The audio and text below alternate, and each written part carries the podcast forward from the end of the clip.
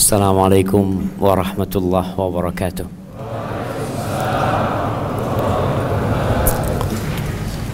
Nah, yang masih belum duduk, kayaknya sebelah kanan, jamaah antum kalau bisa merapat lah, banyak tempat kosong di sini jamaah. Sebelah situ juga kayaknya masih kosong jamaah. Apa harus berdiri semuanya? Baik, kayaknya nggak mau berdiri, berdiri semuanya jamaah. Bismillah. Karena nggak capek antum, ayo belakang-belakang ini biar bisa maju ke depan. Bismillah. Baik, maju dikit terus duduk. Bismillah.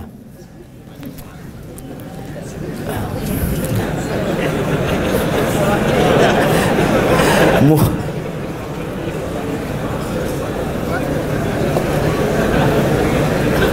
Baik, ya. Yang di belakang langsung maju ke depan. Depan kosong. Jangan berhenti di sana. Ya. Yang masuk langsung ke depan. Jangan jangan duduk di sana ini masih banyak yang kosong jemaah. Tuh yang kelihatan tangannya. Yang ada tempat kosong terus. Jangan lupa kenalan sama yang di sebelahnya.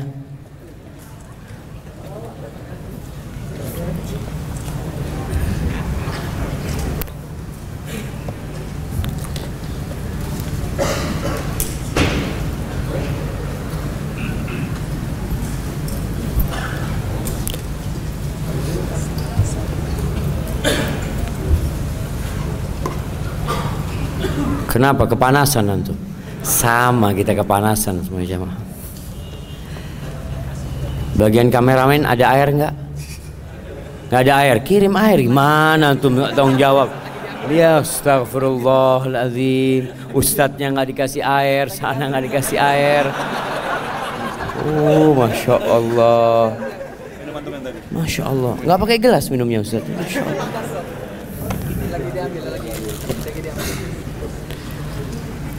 Taib. Masih ada tempat kosong? Ini masih kosong sebelah sini semua jamaah.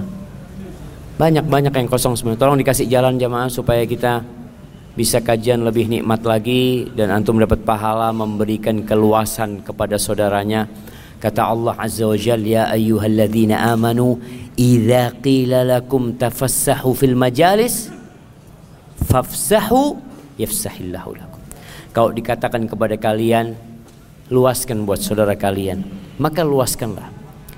Apa balasannya? Allah akan berikan kepada kalian keluasan fid dunya wa fil akhirah. Rizki antum akan diluasin, rumah antum akan diluasin, surga antum pun akan diluasin. Allahumma amin. Masih ada yang kosong? Jangan selonjoran yang udah senden selonjoran duduknya. Gimana antum? Ya nggak ada tempatnya buat temennya. Innal hamdalillah. Masih berdiri antum? Masih banyak belakang. Enggak, insya Allah udah. Antum mau ke mana? Ambil air. إن الحمد لله نحمده ونستعينه ونستغفره ونعوذ بالله من شرور أنفسنا وسيئات أعمالنا. من يهد الله فلا مضل له ومن يضلل فلا هادي له. وأشهد أن لا إله إلا الله وحده لا شريك له وأشهد أن محمدا عبده ورسوله وحبيبه وخليله صلوات ربي وسلامه وبركاته عليه وعلى آله وأصحابه أجمعين. أما بعد فيا عباد الله اتقوا الله حق تقاته ولا تموتن إلا وأنتم مسلمون. Jamaah malam ini malam malam Ahad. Tanggal 3 Zulhijjah. Masya Allah. Lagi ngapain antum? Ahlan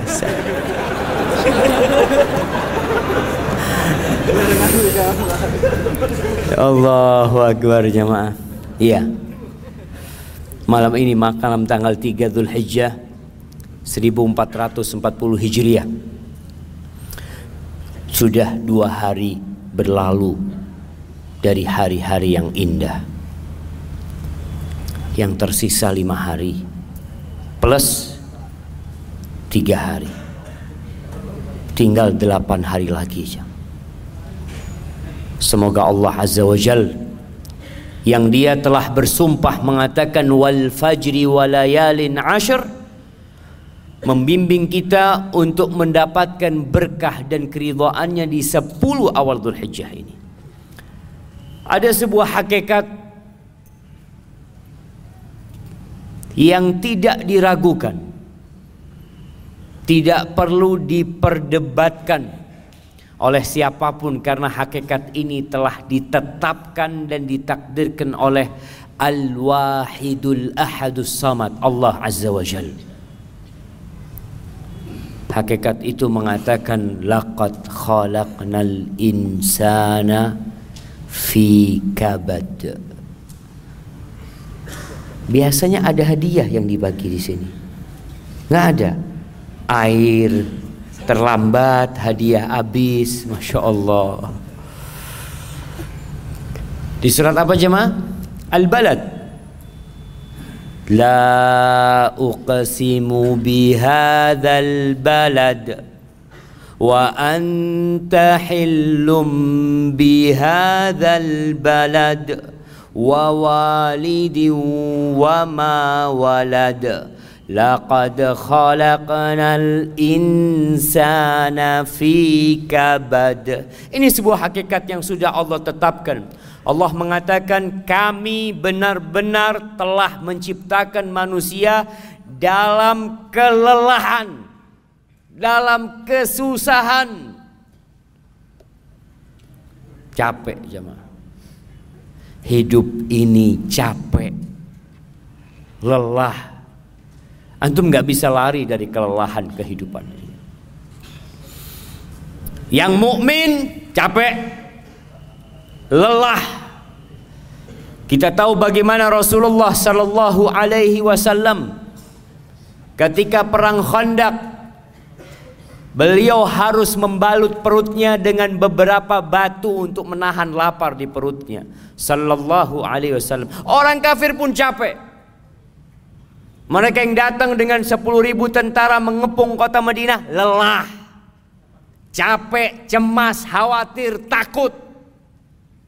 Sama. Kalau bicara kelelahan orang mukmin lelah, orang kafir lemah. Oh, lelah juga.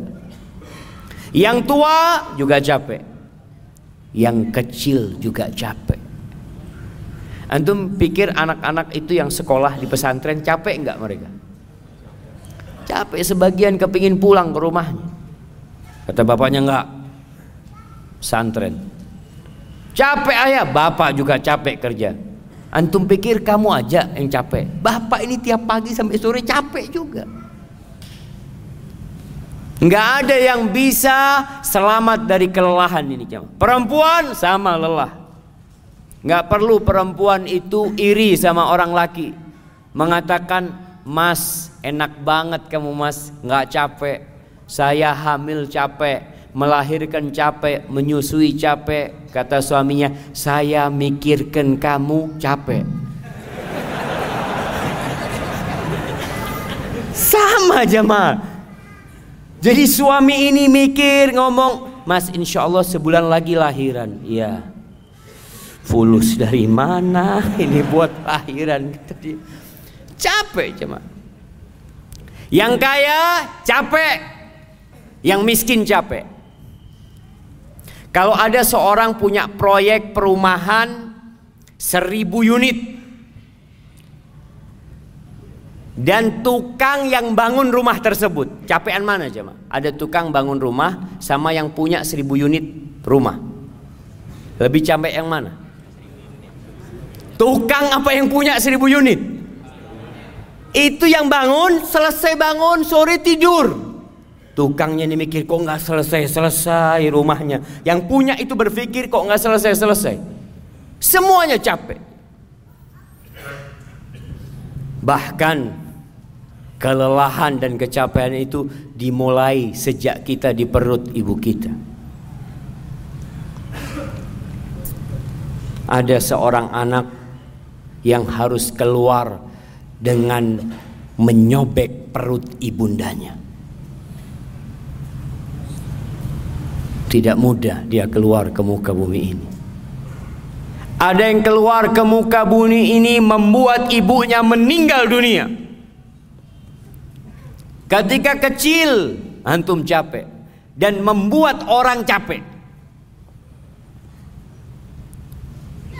Fase-fase perpindahan anak yang awalnya nggak bisa tengkurap terus tengkurap.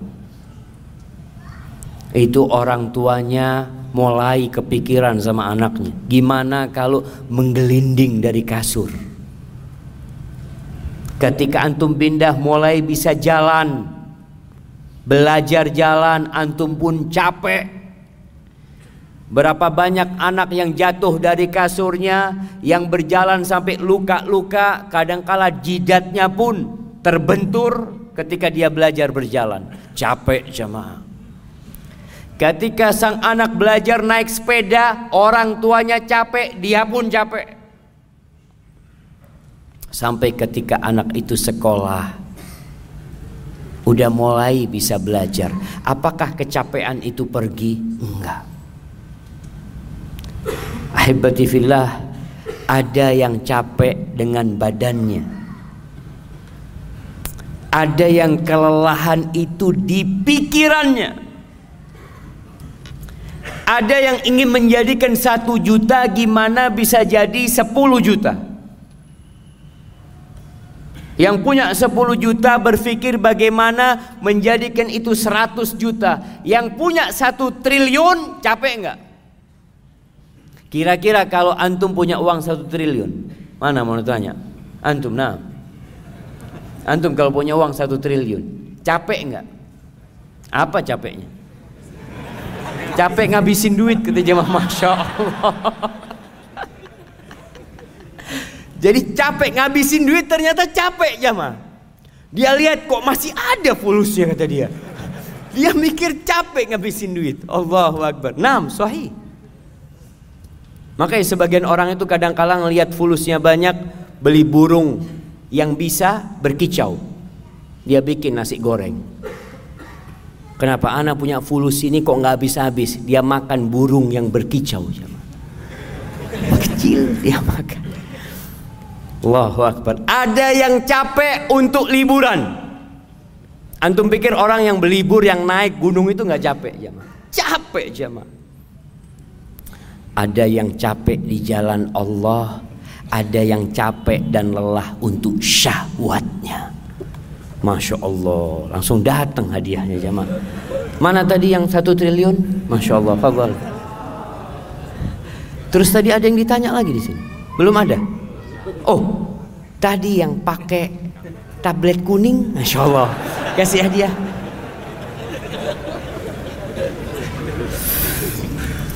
Nah ada yang capek di jalan Allah, ada yang capek untuk syahwat.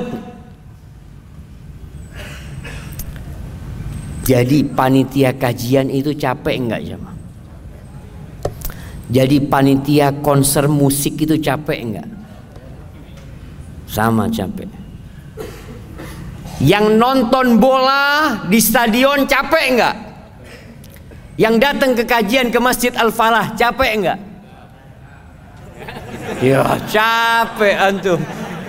Dari tadi sudah kepanasan mereka jamaah. Masya Allah, semuanya capek dan lelah jemaah. Ada yang capek untuk akidahnya. Bahkan mati dalam menegakkan keyakinan. Ada yang capek berdakwah. Antum pikir orang yang bernyanyi, kalau lihat penyanyi-penyanyi konser dari jam 8 sampai jam 12, dia capek enggak jemaah? Sebagian pingsan jemaah. Yang nonton juga capek. Ustadz yang berceramah capek enggak? Ah, antum antum nggak fair jemaah pikirnya. Jadi pikirnya antum Ustadz nggak capek gitu jemaah. Sama capek gitu jemaah. Antum tahu dari Jember itu ke Surabaya naik kereta. Dari naik kereta nungguin pesawat, dari sana naik pesawat sampai sini, kadang kala di halim pesawatnya muter-muter. Allahu Akbar. Kapan turunnya nih jamaah? Benar jamaah, sama semuanya capek. Rasulullah Sallallahu Alaihi Wasallam lelah, bahkan hatinya kadangkala lelah menghadapi umatnya. Walaqad na'lamu annahu yadhiqu sadruka bima yaqulun. Kami benar-benar tahu dadamu itu jadi sempit dengan ucapan-ucapan mereka. Capek dan lelah. Bagaimana Rasulullah sallallahu alaihi wasallam salat aja capek. Ada yang capek menuju ke neraka, ada yang capek menuju ke surga, sama-sama capek. Allah Azza wa Jal di surah Al-Insyiqaq mengatakan ayat 6 Ya ayyuhal insanu innaka kadihun ila rabbika kadhan famulaqi Itu ketentuan Allah Allah mengatakan hai manusia yang bukan manusia tutup kupingnya ini untuk manusia. Ada manusia-manusia yang lebih buruk dari binatang ternak. Tapi sayangnya tidak bisa dikorbankan waktu Idul Adha. Nah, Allah katakan wahai manusia, sesungguhnya kamu telah bekerja capek dengan sungguh-sungguh menuju Tuhanmu maka pasti kamu akan menemuinya pasti. Semua kelak akan disidang oleh Allah Azza wa Jal tanpa ada penerjemah satupun. Kata Nabi sallallahu alaihi wasallam, "Kullun nas yaghdu." Semua orang itu pergi melanjutkan perjalanan hidupnya. Semuanya. Mau yang kaya, mau yang miskin, bangun, dia melanjutkan kehidupan dia. Fabai'un nafsah, semuanya jual dirinya. Kita ini sedang menjual diri kita.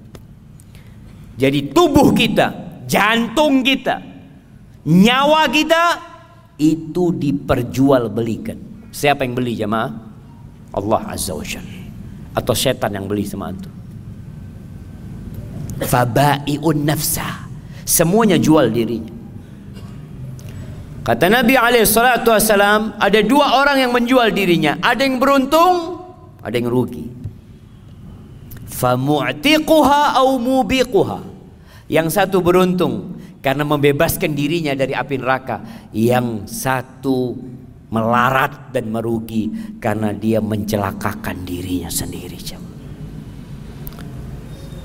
Jamaah rahimakumullah maka kalau kita melihat orang yang melakukan ketaatan dengan orang yang melakukan kemaksiatan sama-sama lelah dan capek. Antum jangan berpikir orang yang berbuat maksiat itu bersenang-senang, tidak capek, tidak lelah. Allah Azza wa Jal mengatakan in takunu ta'lamun fa innahum ya'lamuna kama ta'lamun. Kalau kalian merasa pedih, terluka, kalah, mereka juga sama. Mereka juga terluka dan merasakan kepedihan dalam kehidupan ini. Sama semuanya. Jadi jangan berpikir antum itu nggak mau lelah di dunia ini.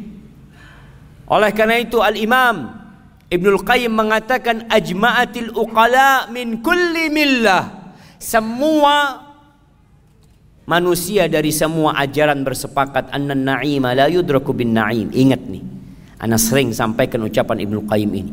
Kesepakatan umat manusia bahwa kenikmatan tidak bisa diraih dengan kenikmatan. Baik kenikmatan dunia atau kenikmatan akhirat.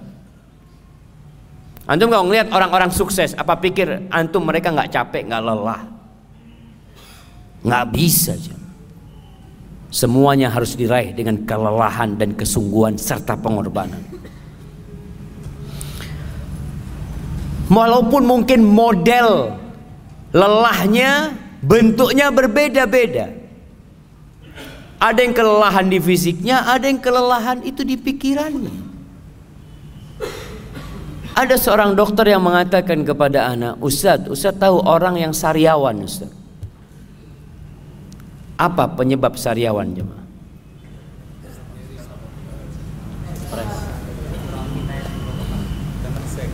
Kurang vitamin C, Masya Allah. Stres. Antum lagi sariawan sekarang? Enggak. Enggak, Alhamdulillah, Anda kasih hadiah, Masya Allah. Stres ya. Capek batinnya. Capek hatinya, lelah dia. Ada sesuatu yang dia pikirkan. Jadi kalau antum lihat sedang sariawan, ya Allah, sedang ada yang antum pikirkan. Walaupun secara fisik kayaknya sehat-sehat antum jamaah. Dan orang yang paling sukses adalah orang yang kecapeannya mengantarkan kepada surga. Nggak apa-apa capek Ustaz. Nanti istirahat. Pernah melihat orang yang berangkat ke puncak Nih, sore ini mungkin orang berangkat ke puncak. Macet jamaah, 10 jam kadang kala berangkat. Mas 10 jam, bismillah. Nggak capek? Capek. Tapi nanti istirahat. Dia berpikir istirahat nantinya. Capek memang harus ditempuh. Dan itu dikerjakan oleh manusia karena dia tahu nanti akan istirahat. Tapi ada orang yang capek, lelah dalam kehidupan ini, tapi kemudian dia capek dan lelah abadi selama-lamanya di dalam api neraka jemaah. Nauzubillah min dzalik. Allah mengatakan la yastawi ashabun nar wa ashabul jannah. Ashabul jannati humul faizun. Enggak sama lah. Penghuni neraka sama surga sama, enggak sama. Mereka sama-sama lelah di dunia, tapi nanti di sana enggak sama. Ashabul jannati humul faizun. Mereka penghuni surga, orang-orang yang sukses yang sebenarnya. Di surah Al-Qalam Allah bercerita tentang sekelompok manusia yang lelah. Berkebun, bertani. Dia mungkin punya kebun kurma atau kebun anggur. Dia capek dan lelah merawat itu kebun sampai berbuah, sampai siap panen. Apa kata Allah? Inna balawnahum kama balawna ashabal jannah. Ada penghuni surga, surga dunia taman-taman. Dia punya kebun yang masya Allah dengan buah-buahannya. Il aqsamu la musbihin yastathrun. Ketika mereka ada tiga saudara mengatakan besok kita panen pagi-pagi. Mikir nih, malam hari sudah capek dia. Gimana bisa panen yang hasil panennya nggak dikasihkan ke fakir miskin? Ya sudah, malam hari mereka tidur, pikirnya sebelum subuh berangkat sudah. Sebelum orang-orang miskin tahu kita panen aja punya kita. Fatafa 'alaiha ta'ifum min rabbika wa hum naimun fa asbahat kasarim. Mereka tidur, Allah kirim. Allah kirim petir, Allah kirim api yang menghanguskan taman mereka, kebun mereka. Mereka sedang tidur. Tapi malam udah capek dia pikiran. Fatanadau musbihin anighdu ala harthikum in kuntum sarimin. Subuh-subuh ya berangkat berangkat. Kita panen. Kalau kalian mau panen sekarang waktunya panen. Fantalaqu wa hum yatakhafatun alla yadkhulannaha al-yawma 'alaikum miskin. Mereka berangkat sambil ngobrol hari ini jangan ada orang miskin yang masuk kebun kita. Dia udah capek ngadepin orang miskin, lelah dia. Bertani lelah, merawatnya lelah, sekarang dikasih pikiran lagi lelah karena takut orang miskin menikmati hasil kebun mereka. Lalu apa kata Allah? Falamma ra'auha qalu inna ladhallun. Bal nahnu mahrumun ketika ngelihat kebunnya apa kata mereka? Kayaknya bukan ini kebun kita. Enggak, enggak bukan. Salah jalan kita tadi. Kata yang lainnya enggak, ini kebun kita.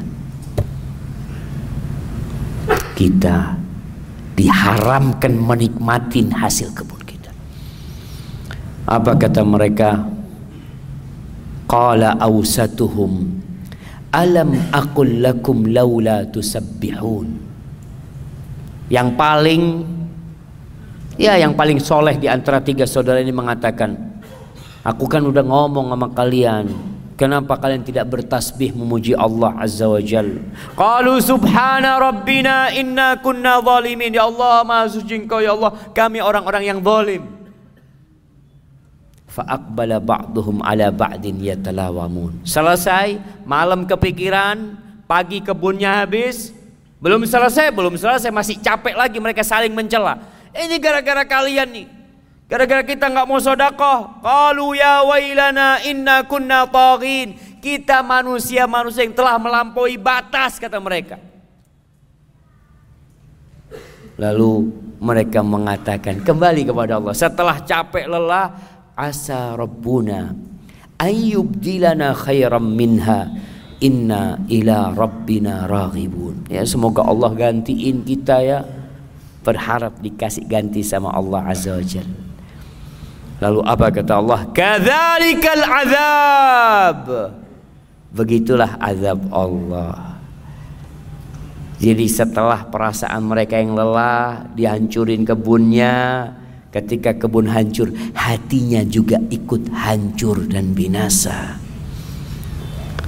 Wala azabul akhirati akbar laukanu ya'lamun dan azab akhirat itu jauh lebih besar kalau mereka ngerti Selesai itu Allah berbincang tentang orang-orang capek yang lainnya, orang-orang yang lelah yang lainnya. Allah mengatakan innal muttaqina innalil muttaqina 'inda rabbihim jannatin na'im. Sesungguhnya buat orang-orang yang bertakwa, orang bertakwa itu lelah hidupnya jamaah.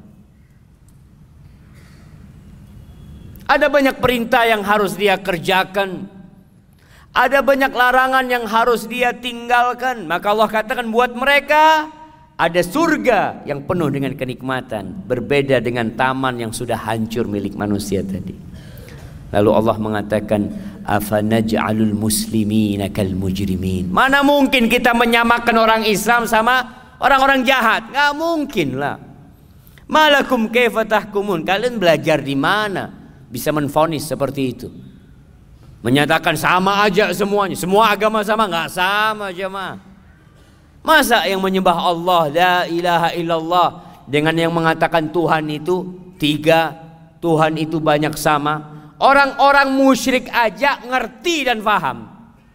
Orang-orang kafir itu di kota Mekah kalau diajak mengatakan la ilaha illallah, apa kata mereka? Aja'alal alihata ilaha wahida. Inna hadza la syai'un ujab. Ini sungguh hal yang menakjubkan. Gimana Tuhan yang banyak dijadikan satu? Enggak. Mereka enggak mau dengan tauhid. Lelah jamaah. Orang yang bertakwa itu capek dan lelah melaksanakan perintah Allah azza wajalla ini perempuan ada perempuan yang kerjanya keluar masuk pasar. Keluar masuk mall. Keluar masuk salon, spa apalagi. Ya tempat-tempat perempuan tiap hari Kira-kira ketika dia keluar ke tempat-tempat itu lelah apa enggak dia jemaah? Lelah dia. Tapi ada perempuan-perempuan yang keluar masuk majelis ilmu. Lelah enggak dia? Lelah juga. Kepanasan. Kadang kala datang ke majelis ilmu bawa anaknya. Bapaknya pura-pura mau khusyuk dengerin. Anak-anak jagain. Insya Allah bapaknya. Lelah capek cama. Ada yang sibuk dengan gadgetnya main game kira-kira orang main game itu capek enggak ada yang mati main game nah ada yang masya Allah orang yang kalau sudah game online itu jemaah Kadang kala dia mau ke toilet ditahan, pakai selang dia, cari selang. Sehat daripada ke toilet ke dia. Dia hatinya capek, tubuhnya capek. Ada yang sibuk dengan handphonenya, nonton film, sampai rusak matanya. Capek dia. Dan ada yang menggunakan gadgetnya untuk berdakwah. Dia cari potongan-potongan kajian yang bagus dia share. Dia kirim ke share. Dia juga lelah. Dia share, tahu-tahu nggak bisa di share jemaah. Kenapa? Kuotanya habis. Sama, sama jemaah dia lelah. Astagfirullah, habis sudah kuotanya. Tapi nggak sama pahalanya. Nggak sama balasannya. Nilai kelelahannya nggak sama. Sama-sama lelah. Ada yang sibuk malam ahad ini ke mana? Ada yang macet kajian. Astagfirullah ini kajian Ustaz Safi bikin macet ini. Parkir lelah dia jamaah. Nah, sampai masjid nggak dapat tempat. Ada yang lelah malam ini sedang ke tempat hiburan. Iya. Dia juga sedang macet. Dia sedang lelah tapi nggak sama nilai kelelahannya. Ada yang sibuk liburan ke luar negeri, berangkat ke Singapura, ke Malaysia, ke Australia, ke New Zealand, ke mana lagi? Ada yang ke Amerika. Sama dia capek, nunggu di airport, lelah. Pernah melihat di airport kumpulan orang yang capek untuk berlibur ke luar negeri dengan kumpulan orang yang capek lelah menuju ke Baitullah. Sama-sama capek. Nunggu di airport. Kadang-kala satu pesawat jemaah. Karena kalau mau ke Eropa itu biasanya ke timur tengah sana dulu. Sama satu pesawat turun di Jeddah. Yang satu ke Mekah, yang satu ke Belanda. Sama-sama capek. Tapi tidak sama nilai capeknya di sisi Allah Azza wa Jal. Kelelahan mereka itu berbeda. Ada yang membelanjakan hartanya di jalan Allah, bangun masjid, bangun sekolahan untuk dakwah. Ada yang membelanjakan hartanya fi syaitan. Sama-sama lelah. Kadang kala dia merasa aduh duit anak keluar habis ternyata kurang zen. Apanya kurang zen? Eh tempat hiburannya kurang bagus atau macam-macam. Dia juga lelah. Dia capek mengumpulkan harta tersebut. Ada yang berdiri di jalan sekarang ini ngobrol mungkin. Anda pikir orang pikir jalan ngobrol nggak capek? Capek, lelah dia di sana. Ada yang berdiri sedang sholat mengatakan Allahu Akbar. Sama-sama berdiri, sama-sama lelah. Kadangkala tengah malam, sepertiga malam akhir, sama-sama begadang yang satu begadang dengan Qurannya, yang satu begadang main gaple. Main remi. Lelah nggak? Lelah.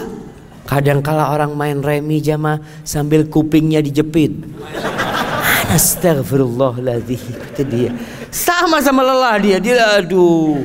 Yang itu begadang juga.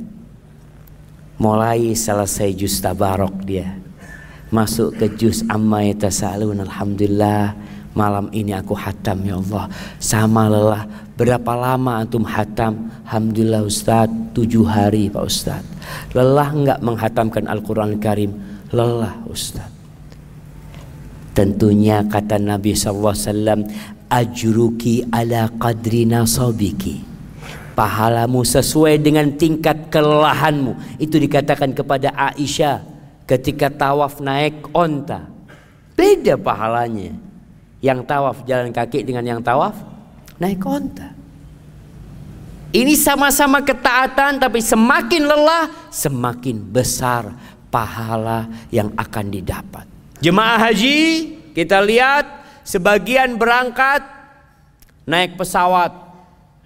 Di semuanya naik pesawat sih jemaah. Tapi ada yang di depan ada yang di belakang. Yang di depan sampai duluan biasanya. Duduknya Masya Allah bisa selonjoran. Bisa tidur. Tiap berapa menit datang pramugari. Bapak mau makan apa? Masya Allah. Mana menunya?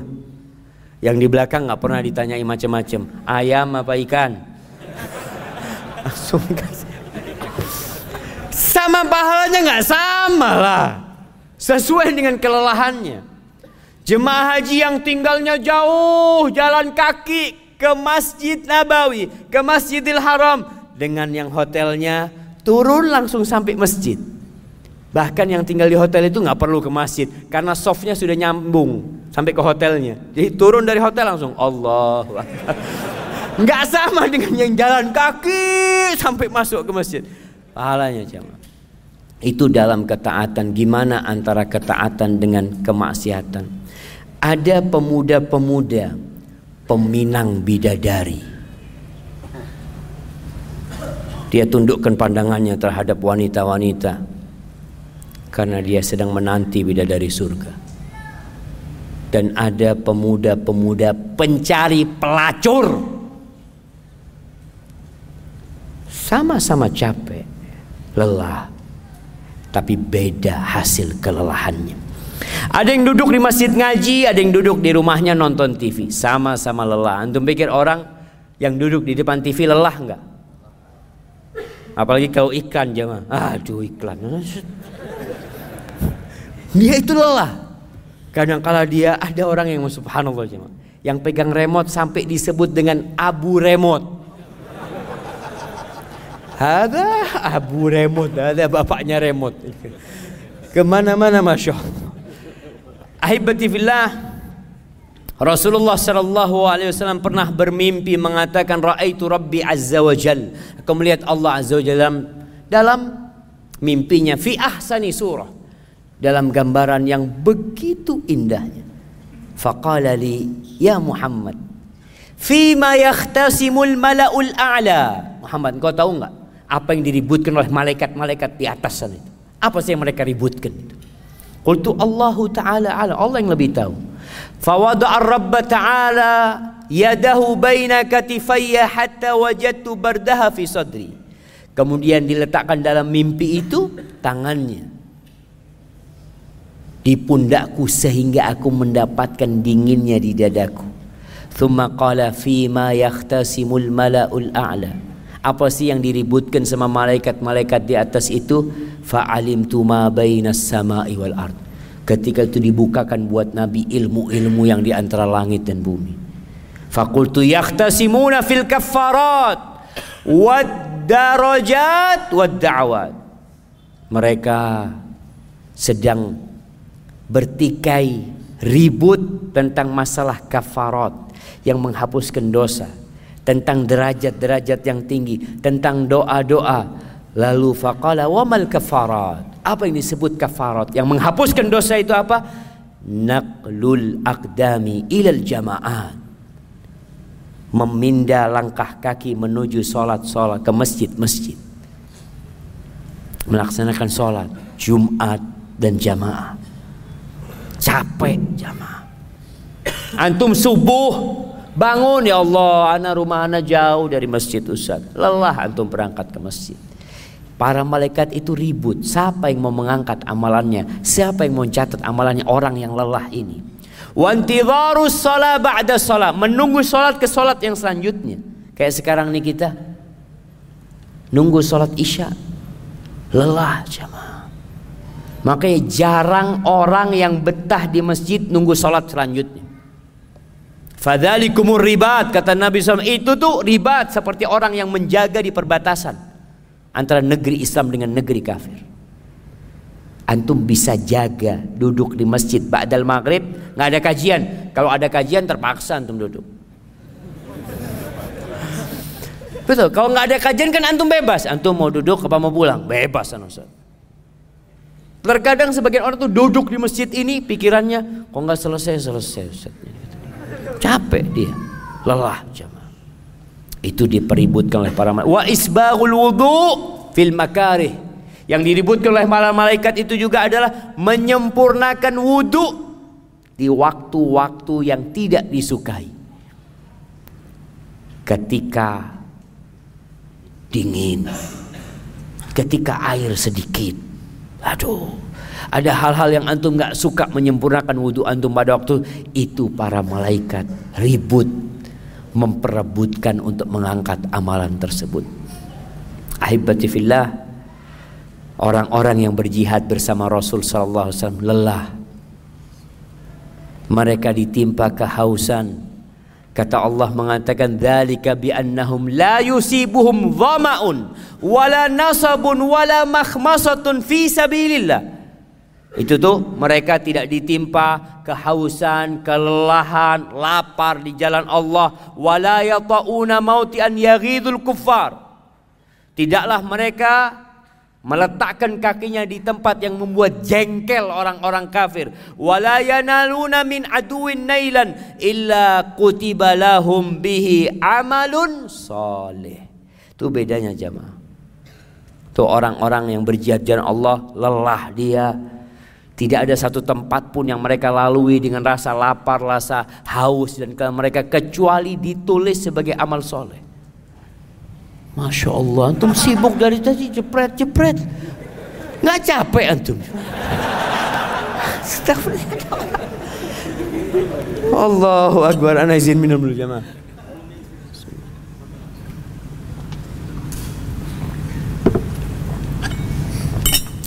Alhamdulillah kecuali akan ditulis sebagai amal soleh. Inilah bedanya kelelahan seorang yang beriman, seorang yang bertakwa kepada Allah dengan kelelahan orang-orang yang tidak bertakwa kepada Allah Azza wa Jalla. Seorang mukmin sakit dapat pahala. Bahkan seorang mukmin masya Allah yang dia biasa ke masjid, lalu dia nggak bisa ke masjid karena kakinya terluka, tuh luka di kakinya akan mengangkat derajat dia, menghapuskan dosa dia dan pahala sholat ke masjid tetap dapat. Maka kalau antum berpikir lelah, semuanya lelah, tapi lihat hasil dari kelelahan antum.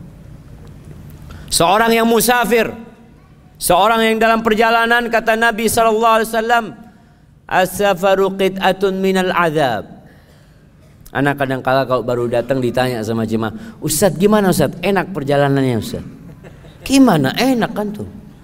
Nabi SAW mengatakan perjalanan itu safar itu sepotongan dari azab. Lelah. Nggak bisa tidur enak, nggak bisa makan enak. Kadang kala mau ke toilet juga berat. Semuanya lelah. Tapi akan menjadi penghapusan buat dosa. Jadi kita nggak ada ruginya kelelahan kita jemaah. Tatkala kita berpikir sama orang-orang yang safar pun orang-orang kafir safar juga lelah mereka. Ahibati fillah Nabi alaihi salatu wasallam mengatakan la yusibul mu'min min hammin wala ghammin wala nasabin wala saqamin hatta syauka yushakuha illa kafarallahu bihi khataya. Tidaklah seorang mukmin seorang yang beriman jemaah. Kepada Allah dan hari akhir. Yang ditimpa kegalauan. Capek pikirannya. Capek hatinya. Atau kelelahan. Dalam pekerjaan dia. Dalam ngurus anak dia. Dalam sholat dia. Hatta syauka atau penyakit. Atau sampai duri. Ada orang kena paku kakinya itu kata Nabi SAW akan dihapuskan dosa-dosa dia. Lalu Allah mengatakan tentang orang-orang yang tidak beriman, "Fala tu'jibka amwaluhum wala auladuhum, innama yuridullahu liyu'adzibahum biha fil hayatid dunya." Engkau itu jangan takjub dengan orang-orang kafir. Dengan dunia mereka. Kesuksesan mereka, anak-anak mereka yang hebat-hebat. Allah tuh ingin mengazab mereka dengan dunia mereka, harta mereka dan anak mereka. Bayangkan. Kalau buat orang mukmin kena duri jadi penghapus dosa. Buat orang-orang yang tidak beriman, hartanya jadi azab buat dia. Ini perbedaan antara yang beriman dan dengan yang tidak beriman.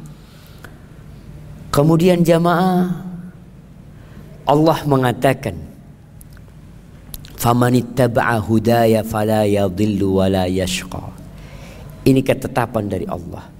Barang siapa yang mengikuti petunjukku Maka dia tidak akan tersesat dan tidak akan menderita.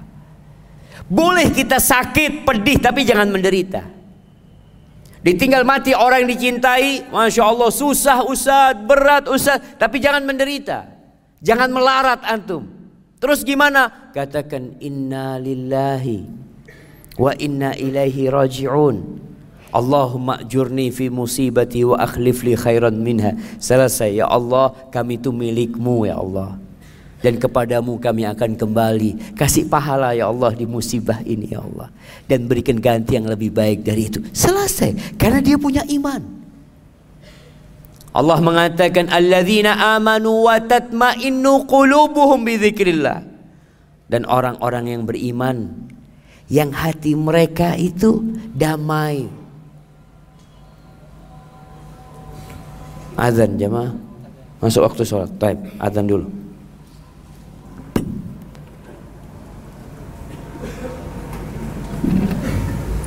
Salli wa sallim ala Muhammad. Kenapa untuk berdiri?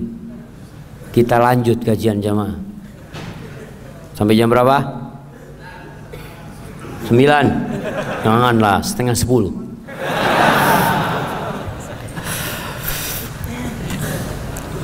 Kalau kita sholat isya sekarang, sebagian harus berantem sama saudaranya. Karena ada banyak yang harus keluar dari masjid ya. Tadi itu nanti kita sholat isya, tolong yang tadi sholat di luar, tetap sholat di luar. Ahibati fillah, kita lanjutkan dulu jamaah. Insyaallah jam 8 kita sholat. Tadi kita sebutkan alladzina amanu wa tatma'innu qulubuhum bi dzikrillah. Ala bi dzikrillah tatma'innul qulub. Itu orang-orang yang beriman yang hati mereka menjadi damai, tentram, bahagia dengan mengingat Allah Azza wa. Dengan mengingat Allah itulah orang akan jadi tenang hidupnya. Ingat dengan pahala yang Allah sediakan, ingat dengan kebaikan Allah, kebesaran Allah. Adapun yang berpaling dari mengingat Allah, waman a'rada an dzikri fa inna lahu ma'isyatan dhanka wa nahsyuruhu yaumal qiyamati a'ma.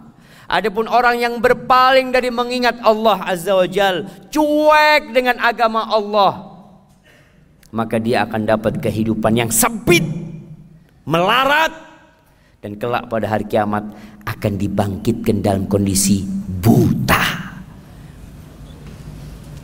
Orang kalau hidup lahir buta biasa dia jamaah. Tapi kalau dia biasa melihat kemudian buta secara tiba-tiba azab buat dia jamaah. Ahibati fillah subhanallah. Kalau pada hari kiamat Nabi SAW menceritakan gimana hari kiamat jamaah. Yu'ta yaumal qiyamah bi asyaddi ahli dunya bu'san min ahli jannah. Akan didatang, didatangkan pada hari kiamat penghuni surga yang dahulunya di dunia orang yang paling susah hidupnya. Paling lelah lah dia. Fayusbagu fil jannati sabgha. Dicelup di surga satu celupan. Satu celupan. 70 tahun dia hidup susah di dunia.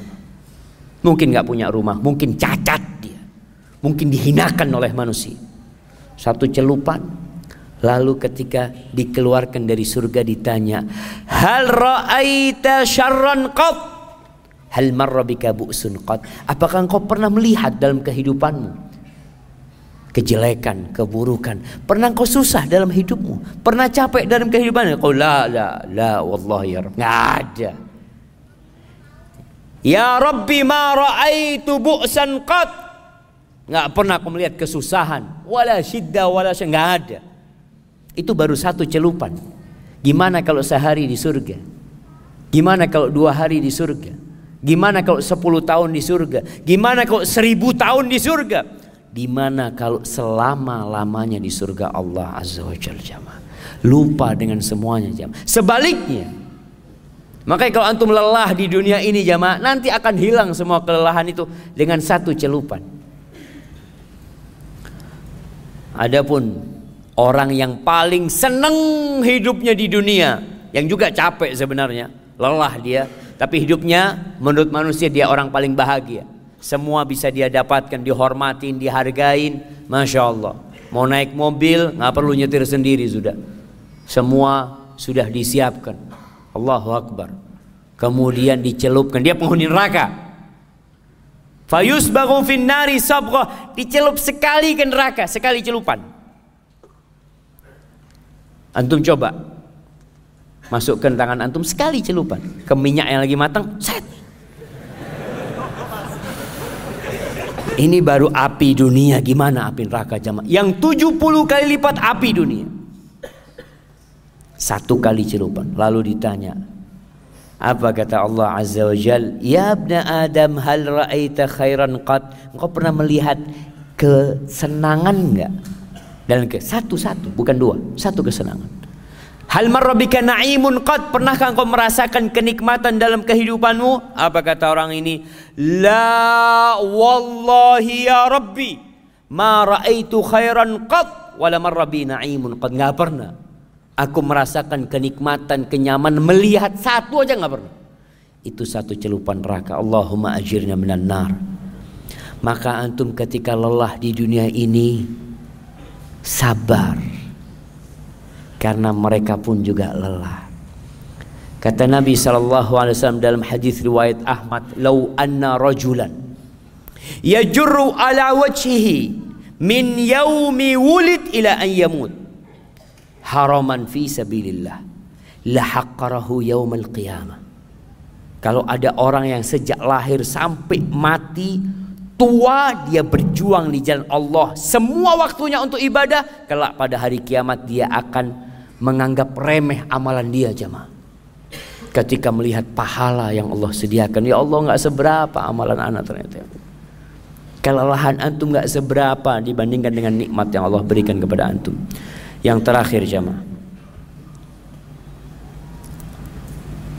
di surah Al-Insyiqaq yang tadi kita baca. Ya ayyuhal insanu innaka kadihun ila rabbika kadhan famulaqi.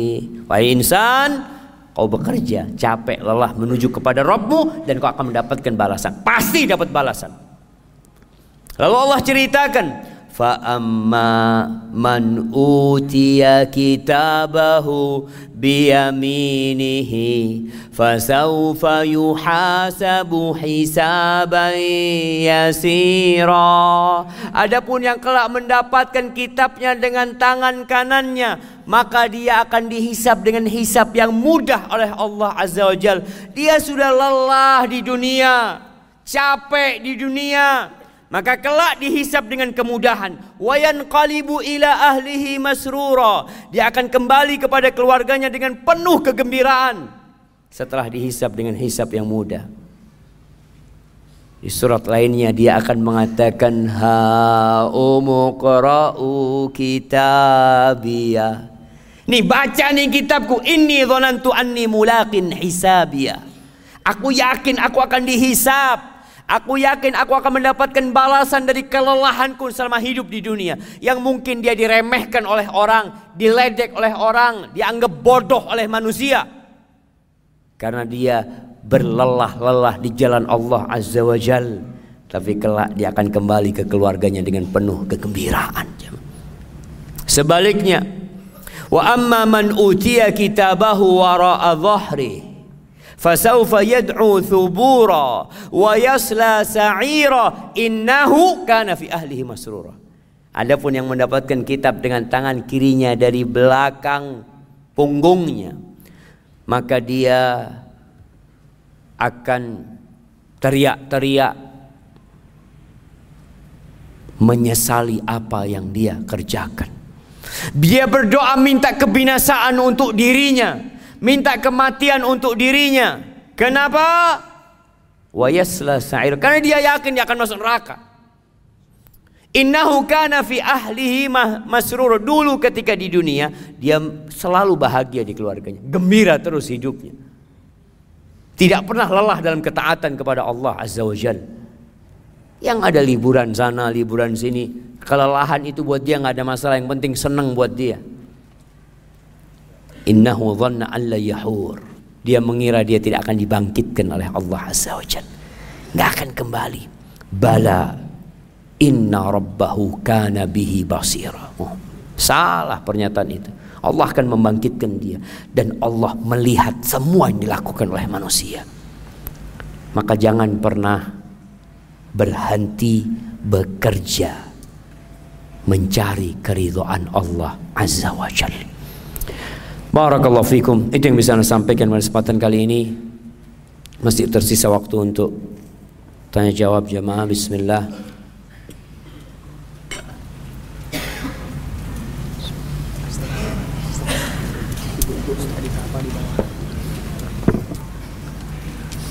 Ada ibu-ibu.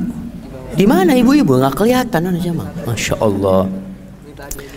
Baik, ibu-ibu yang mau dikasih hadiah ibu-ibu, nggak kelihatan sama ibu-ibu. Nanti suaminya dapat hadiah, kasihkan kepada istrinya. Ibu-ibu lelah jamaah. Dia capek bertahun-tahun ngaji sama ustadz nggak pernah dapat hadiah sama. Sebagian bertahun-tahun nggak pernah dapat hadiah. Tapi jamaah ini ada pertanyaan. Benarkah hewan kurban kelak menjadi tunggangan di atas sirat Adakah dalilnya apabila tidak benar yang benar seperti apa Ustaz? Wallahu a'lam bishawab jamaah ya. Ana tidak pernah membaca hadis yang sahih bahwasanya hewan kurban itu akan menjadi tunggangan kelak di padang mahsyar. Memang orang-orang yang bertakwa kata Allah wa nahsyurul muttaqina yauma idzin apa ayatnya? Ya bukan muttaqin. Ila rahman wa nahsyurul muttaqina ila rahmani wafda. Orang-orang yang bertakwa itu kelak di padang mahsyar digiring menuju Allah wafda seperti delegasi-delegasi tamu-tamu negara. Mereka naik kendaraan. Naik onta-onta. Soalnya kalau bicara jadi kendaraan gimana kalau korbannya kambing? Nggak bisa jadi kendaraan. Wallahu alam jemaah. Tapi yang jelas korban itu akan memberikan syafaat juga kepada antum sebagai amalan antum.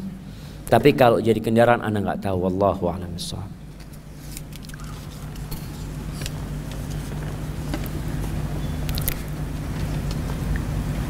Amin. Apa Ustaz, bagaimana membersihkan harta riba baik dari peminjam yang meminjamkan maupun saksi atas transaksi riba. Ya dikeluarkan semua ribanya. Kalau antum dapat dapat duit itu dari sebagai saksi riba, maka keluarkan. Ada yang jadi notaris di sini. Notaris itu kalau transaksi riba dapat berapa? Ada yang notaris? Anak kasih hadiah jangan mah antumnya. Hah? Mana? Dapat 2%. Kalau oh banyak banget. Kalau satu miliar dapat 20 juta. Masya Allah. Anak kasih dia buat antum. Masya Allah. 20 juta keluarin itu. Kalau transaksinya riba. Artinya kalau transaksinya riba, dia dapat duit dari transaksi riba sebagai saksi, keluarkan tuh duit. Kalau antum sebagai peminjam duit, antum itu tidak makan riba. Peminjam itu tidak makan riba, tapi ngasih makan riba. Peminjam itu kan ngasih makan kan? Gimana antum mau bersihkan? Sudah dimakan sama orang itu. Maka antum terlaknat di sana. Maka membersihkannya jelasnya dengan mohon ampun sama Allah Azza wa karena kalau yang pinjam duit itu dia memberi makan riba dan bukan makan riba, tapi dosanya sama. Bagaimana cara membayarkan hutang orang tua yang meninggal yang ahli waris tidak tahu, tidak diketahui karena takut kelak di akhirat ditagih. Caranya diumumkan. Kadangkala lagi menguburkan jenazah, tanya yang bapak ana punya utang sama dia, tolong hubungin keluarganya. Rasulullah Shallallahu Alaihi Wasallam di kuburan di kuburan itu kadang-kala yang ditanya itu utang. Ini mayat punya utang nggak? Ditanya sama Nabi SAW. Maka kita pun karena takut ayah kita, keluarga kita punya utang, untuk sebutkan yang merasa bapak anak punya utang, tolong datang ke ahli warisnya. Dengan cara seperti itu kita bisa melunasi utang ayah kita. Tapi kalau nggak tahu dan tidak ada yang datang menagih, ya serahkan sama Allah Azza wa Jalla.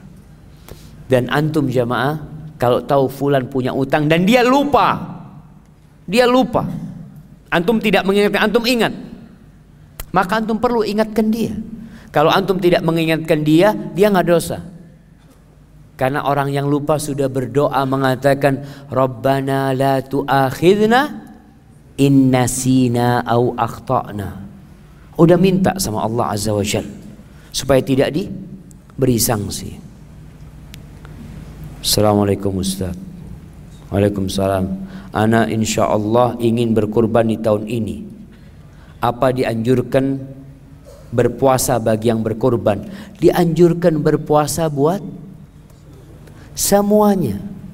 Yang berkurban dan tidak berkurban Apalagi puasa hari Arafah. Itu menghapuskan dosa Dua tahun jamaah. Allahu Akbar. Pertanyaan ibu-ibu yang mana? Supaya nggak marah jamaah yang dibawa jamaah. Mengapa ketika kita sudah hijrah mengharap ridha Allah akan tetapi banyak masalah-masalah dalam hidup. Bagaimana cara menghadapi masalah juga solusinya. Contoh sebagai madu istri kedua Pak Ustadz posisi sangat lelah haruskah tetap bersabar atau menyerah saja karena penilaian orang tabu dengan hukum syariat ini jazakallah khairan. Jamaah antum tidak akan berhenti ditimpa masalah. Kecuali antum sudah mati. Mati pun nggak selesai masalah antum. Ditunggu di kuburan sama mungkar nakir sana antum akan terus mendapatkan fitnah dalam kehidupan ini. Karena sudah ketentuan Allah, Allah mengatakan wana belukum bisyarri wal khairi fitnah wa ilaina turja'un kata dan kami akan menguji kalian dengan kebaikan dan keburukan. Dan akan kembali kepada kami kalian itu.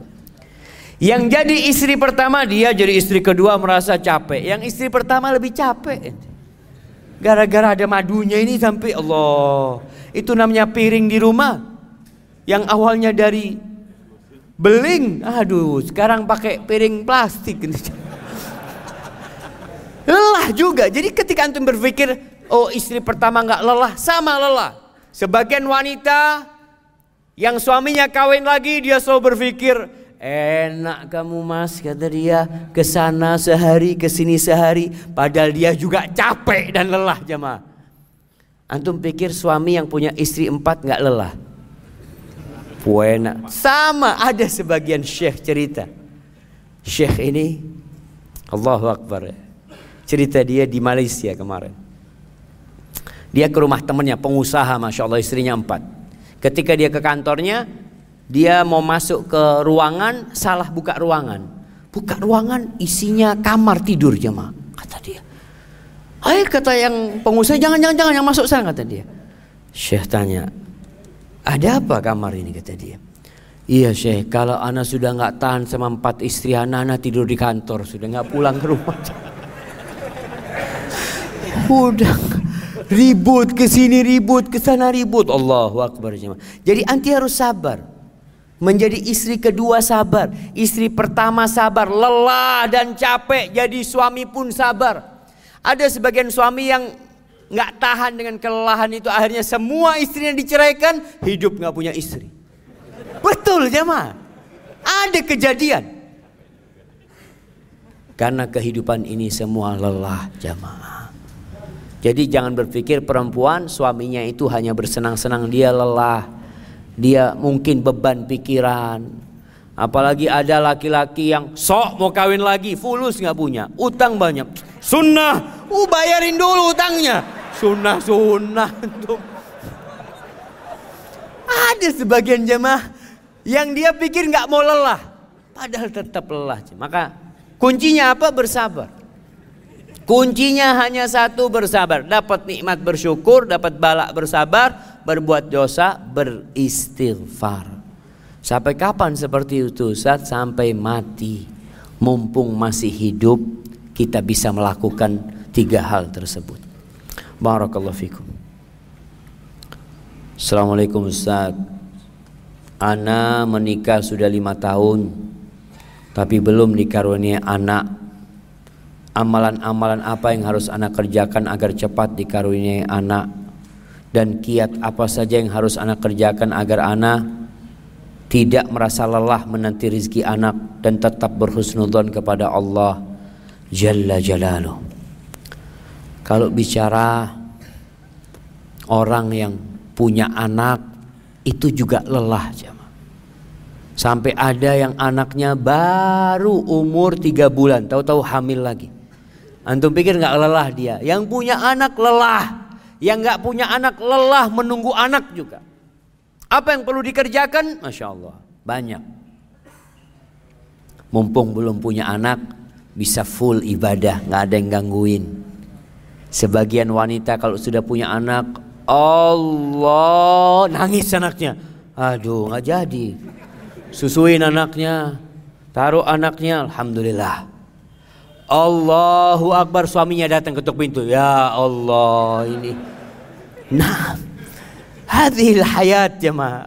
Jadi kalau antum mandang kehidupan ini semuanya lelah memang, tapi lihat hasilnya nanti di akhirat. Yang nunggu anak nggak datang-datang, perbanyak istighfar. Perbanyak berdoa sama Allah Azza wa Jal. Nabi Ibrahim puluhan tahun Nabi. Nanti baru lima tahun sudah merasa lelah. Nggak berhenti Nabi Ibrahim berdoa Rabbi habli minas salihin. Nabi Zakaria seorang nabi jamaah yang kita tahu doanya dikabulkan oleh Allah Azza wa Jal tapi ditunda, ditunggu terus sama Allah. Sampai dia mengatakan Rabbi inni wahanal azmu minni washta'ala ar-ra'su syaiba. Ya Allah, Tulang-tulangku udah lemah ya Allah. Kepalaku udah hidup dengan uban ya Allah. Walam akun bidu'aika rabbi syaqiyah. Ah, tapi aku nggak pernah merasa susah berdoa kepadamu ya Allah. Rabbi habli min ladunka dzurriyyatan thayyibah. Baru dikasih setelah lebih mungkin 70 tahun berdoa aja, Lalu antum baru lima tahun sudah capek lelah. Terus berdoa, beristighfar, yakin Allah punya tujuan. Karena sebagian orang kalau doanya dikabulkan, dia berhenti berdoa. Banyakin istighfar. Karena istighfar itu membuka pintu-pintu langit jemaah. Barakallahu fikum. Bolehkah kurban uangnya minjam? Minjam ke anak atau ke orang tua? Asalkan antum punya sesuatu yang bisa antum bayarin. Antum punya uang cuma belum datang sekarang. Kadang-kala karena kita tahu kurban ini waktunya hanya 10, 11, 12, 13. Duit antum baru keluar tanggal 20. Boleh nggak pinjem? Boleh kalau ada jaminan antum bisa bayar. Tapi kalau nggak ada jangan utang. Karena sejatinya Allah tidak membebani hamba di atas kemampuannya. Anak ingin Ustadz ya udah Insya Allah niat antum ditulis sama Allah Azza wa Jal Asalkan antum benar-benar niat lillahi ta'ala Masya Allah Kira-kira ustadznya baca ini capek enggak jemaah? Sahlah, antum dengerin lelah, ustadznya juga lelah. Adik ipar ana telah melakukan suatu perbuatan dosa besar.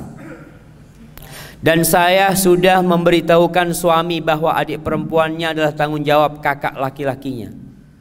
Tapi kakak laki-lakinya seakan menutup mata dengan perbuatan adiknya. Apa yang harus ana lakukan untuk mencegah supaya tidak lagi perbuatan dosa itu dilakukan oleh adik ipar sana. Jamaah sejatinya kita semua tidak boleh mendiamkan kemungkaran. Baik dikerjakan oleh keluarga kita atau oleh orang lain kalau kita melihatnya. Tapi kalau itu keluarga kita, tanggung jawab kita semakin besar. Ada orang-orang yang dayuth yang tidak bakal dilihat sama Allah Azza wa Jal pada hari kiamat. Allah nggak akan bicara sama tuh orang. Allah akan berikan adab yang pedih yang membiarkan kemungkaran terjadi di keluarganya. Ini seperti seorang kakak melihat adiknya naudzubillah mungkin berzina, didiamkan. Pura-pura tutup mata. Ya Allah alam ya'lam bi annallaha yara? Apa dia nggak faham nggak tahu kalau Allah melihat melihat perbuatan dosa itu dan melihat ketika abangnya mendiamkan itu dosa maka tugas anti sebagai seorang istri adalah mendudukkan dia diajak untuk ngaji dikasih nasihat dan jangan dibiarkan kalau anti membiarkan ya anti akan dapat dosa juga. Namun mengingkari kemungkaran itu yang pertama dengan tangan, kalau nggak mampu dengan lisan, nggak mampu maka dengan hati kita. Masya Allah pertanyaannya. Bagaimana mengingatkan teman yang menganggap riba sebagai bisnis? Iya, betul. Orang-orang musyrik dari dulu menganggap riba itu bisnis. Makanya ketika Allah haramkan riba, apa kata orang-orang kafir dulu? Innamal bay'u mithlur riba. Kata dia bisnis itu sama dengan riba. Apa bedanya? Selalu mereka mengatakan itu. Modal satu juta, untung 500. Antum beli handphone harga satu juta, jual 500 boleh nggak? Boleh nggak? jual 500 rugi jamaah tapi boleh ya boleh nah beli satu juta jual satu juta 500 boleh nggak boleh antum punya duit satu juta antum pinjamkan ke saudara antum bayar satu juta 500 apa bedanya apa bedanya jamaah bukan masalah nggak ada barang kadangkala barangnya pura-pura ada barang antum beli handphone sama anak ya satu juta, ya. Antum bayar satu juta lima ratus. Nih, langsung anak kasih fulusnya aja sama dia. Akadnya. Jadi riba ini akad pinjam meminjam yang nggak boleh mencari keuntungan. Pinjam meminjam kalau kita pinjam duit jamaah, Afan. Kalau kita mengutangin orang lain itu dapat pahala sodako. Kok cari keuntungan dunia? Kalau orang jualan memang cari keuntungan. Jadi kalau yang bicara bahwasanya riba itu termasuk bisnis, ya itu perkataan orang-orang kafir sejak dulu. Ustaz, Anda mau bertanya. Ini menakutkan ya. Apa yang harus Anda lakukan? apabila anak sudah lelah dengan tingkah laku suami yang tidak mau berubah sama sekali bahkan suami anak mengatakan bahwa ajaran agama yang anak terapkan dalam hidup adalah sesat Ana sudah berusaha semaksimal mungkin agar suami Ana mau belajar ilmu agama. Tapi suami Ana tidak mau tetap berpegang teguh dengan prinsipnya untuk mengejar kehidupan dunia. Allah Akbar. Buat para wanita yang dapat suami kayak gini, istighfar. Minta ampun sama Allah. Karena suami ini pilihan anti. Dan anti salah memilih pemimpin dalam kehidupan anti. Siapa yang salah? Ya anti. Istighfar. Kemudian ilmu yang anti pelajarin terapkan dalam kehidupan ini. Jadilah istri yang soleha. Jadilah istri yang menyenangkan buat suaminya. Bukan hanya pandai menasihati suami, tapi pandai melayani suaminya. Bikin suaminya betah dalam rumah.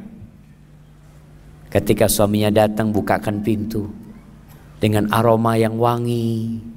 Rumahnya telah di aromai dengan aroma gahru. Antum tahu gahru jamaah? Kayu ud, ada kayu yang wangi sekali. Itu suami kayak bukhur lah. Suami belum masuk rumahnya bau itu, masya Allah. Ada apa ini? Dia buka, istrinya mengatakan, masya Allah bang, abang lelah, abang capek bang, fadl bang, abang kepingin apa bang? Semuanya udah nasiapkan. Ini ada buku menu kalau abang mau tambahan, masya Allah.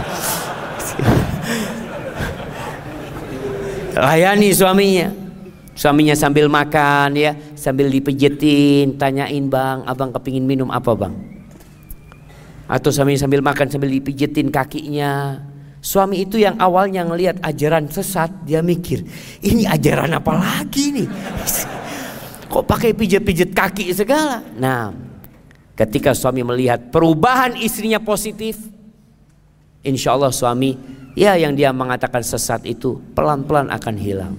Tapi kadang-kala sebagian istri kalau sudah ngaji jadi kaku sama suaminya. Suaminya datang dari kerja, eh sini sini. Sini sini. Ya nggak bener lah kayak gitu jemaah.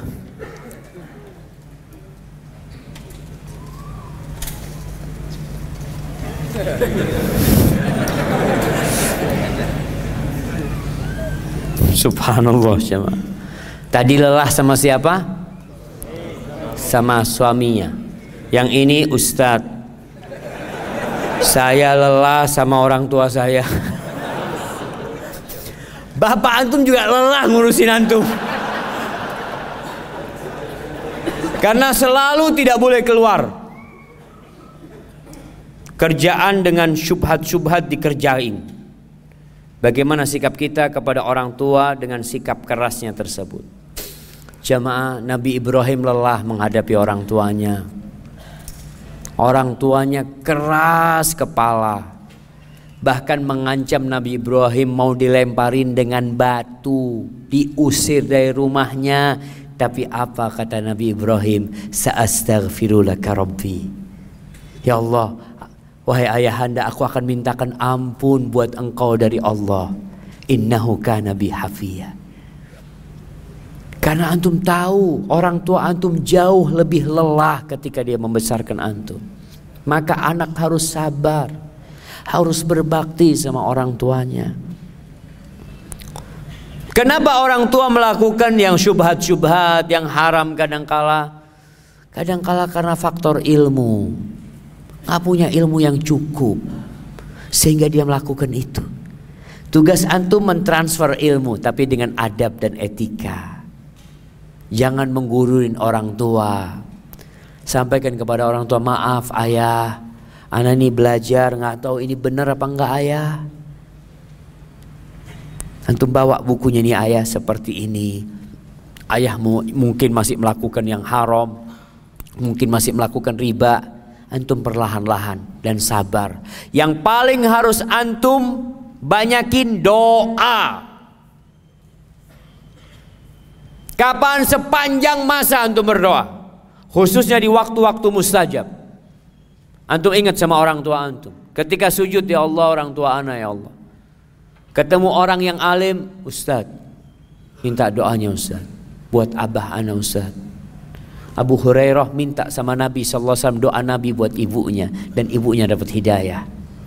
Semoga Allah memberikan hidayah kepada orang tua kita jemaah. Amin ya Allah. Afwan Ustaz. Allah.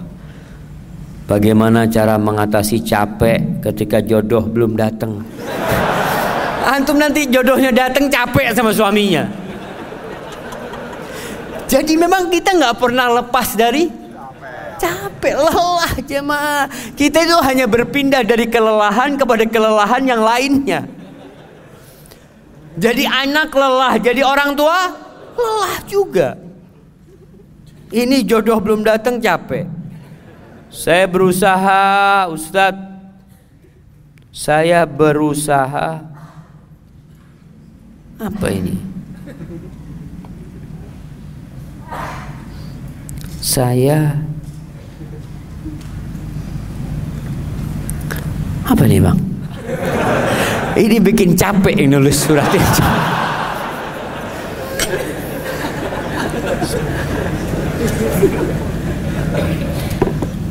Saya berusaha husnuzon.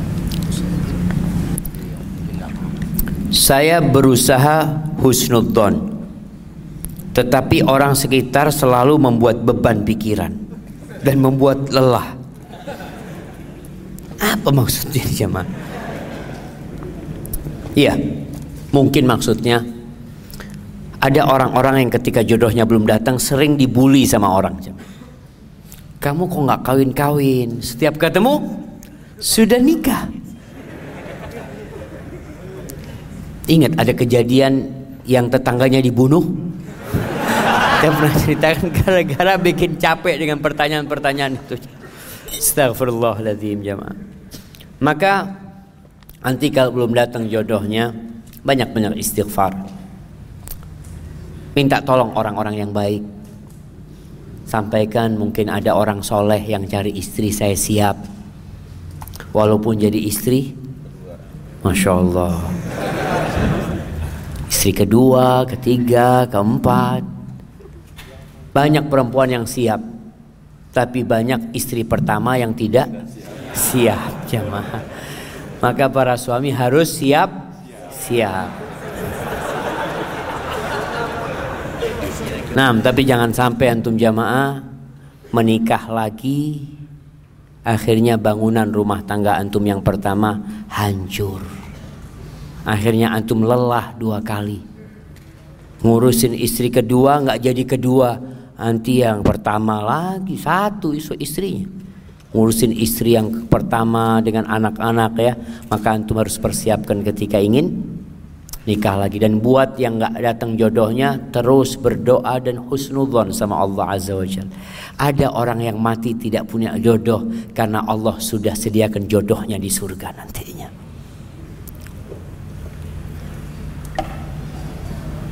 Nah ini lelah sama suaminya jemaah.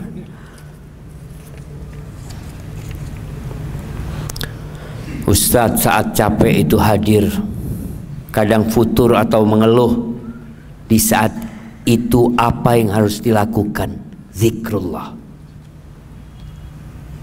Karena amalan zikir ini amalan yang paling ringan Kalau sholat antum butuh harus berwudu harus menutup aurat, harus menghadap kiblat, harus berdiri, tapi zikrullah dalam posisi itu antum bisa berzikir. Dan zikrullah itu benteng yang kata Rasul sallallahu. Seperti orang yang sedang dikejar-kejar oleh musuh, ketika dia mengingat Allah, dia masuk ke benteng dan musuh tidak akan bisa masuk. Maka ketika antum futur perbanyak zikir, udah zikir terus, maka insya Allah akan hilang kelelahan itu jamaah. Dan Allah akan bangkitkan semangat antum. Karena mengingat Allah itu membuat seorang jadi semangat untuk beramal jamaah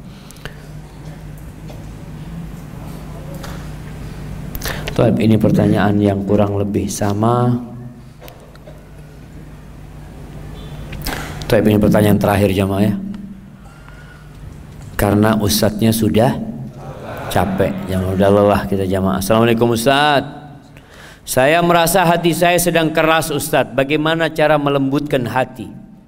Teman-teman saya akan menjauh semua Ustaz ya orang yang hatinya keras Allah berkata kepada nabinya sallallahu alaihi wasallam fabima rahmatin minallahi lintalahum walau kunta faddan ghalidhal qalbi lan faddu min hawli Kalau engkau orangnya kasar, hatinya keras, orang itu nggak ada yang mau dekat sama engkau. Gimana supaya lembut? Yang membuat hati keras itu dosa. Yang membuat hati keras itu banyak tertawa. Yang membuat hati keras itu banyak makan. Ada banyak perbuatan-perbuatan yang membuat hati keras. Maka tinggalkan sebab-sebab itu. Kembali kepada Al-Quranul Karim. Ziarah kuburan. Semoga itu membuat hati antum jadi lembut. Ngelihat anak-anak yatim, anak-anak kecil itu jamaah usap kepalanya, doain dia. Semoga hati antum jadi lembut ketika itu. Karena memang orang yang hatinya keras susah dapat nasihat dan susah mendapatkan teman jamaah. Hadza wallahu a'lam bisawab itu yang bisa Anda sampaikan apabila itu benar itu dari Allah Azza wa Jal. Kalau ada yang salah dan kurang berkenan itu dari diri Anda pribadi, Allah dan Rasulnya terbebaskan dari kesalahan itu. Anda mohon maaf yang sebesar-besarnya. Subhanakallahumma bihamdika asyhadu an la ilaha illa anta astaghfiruka wa atubu ilaik.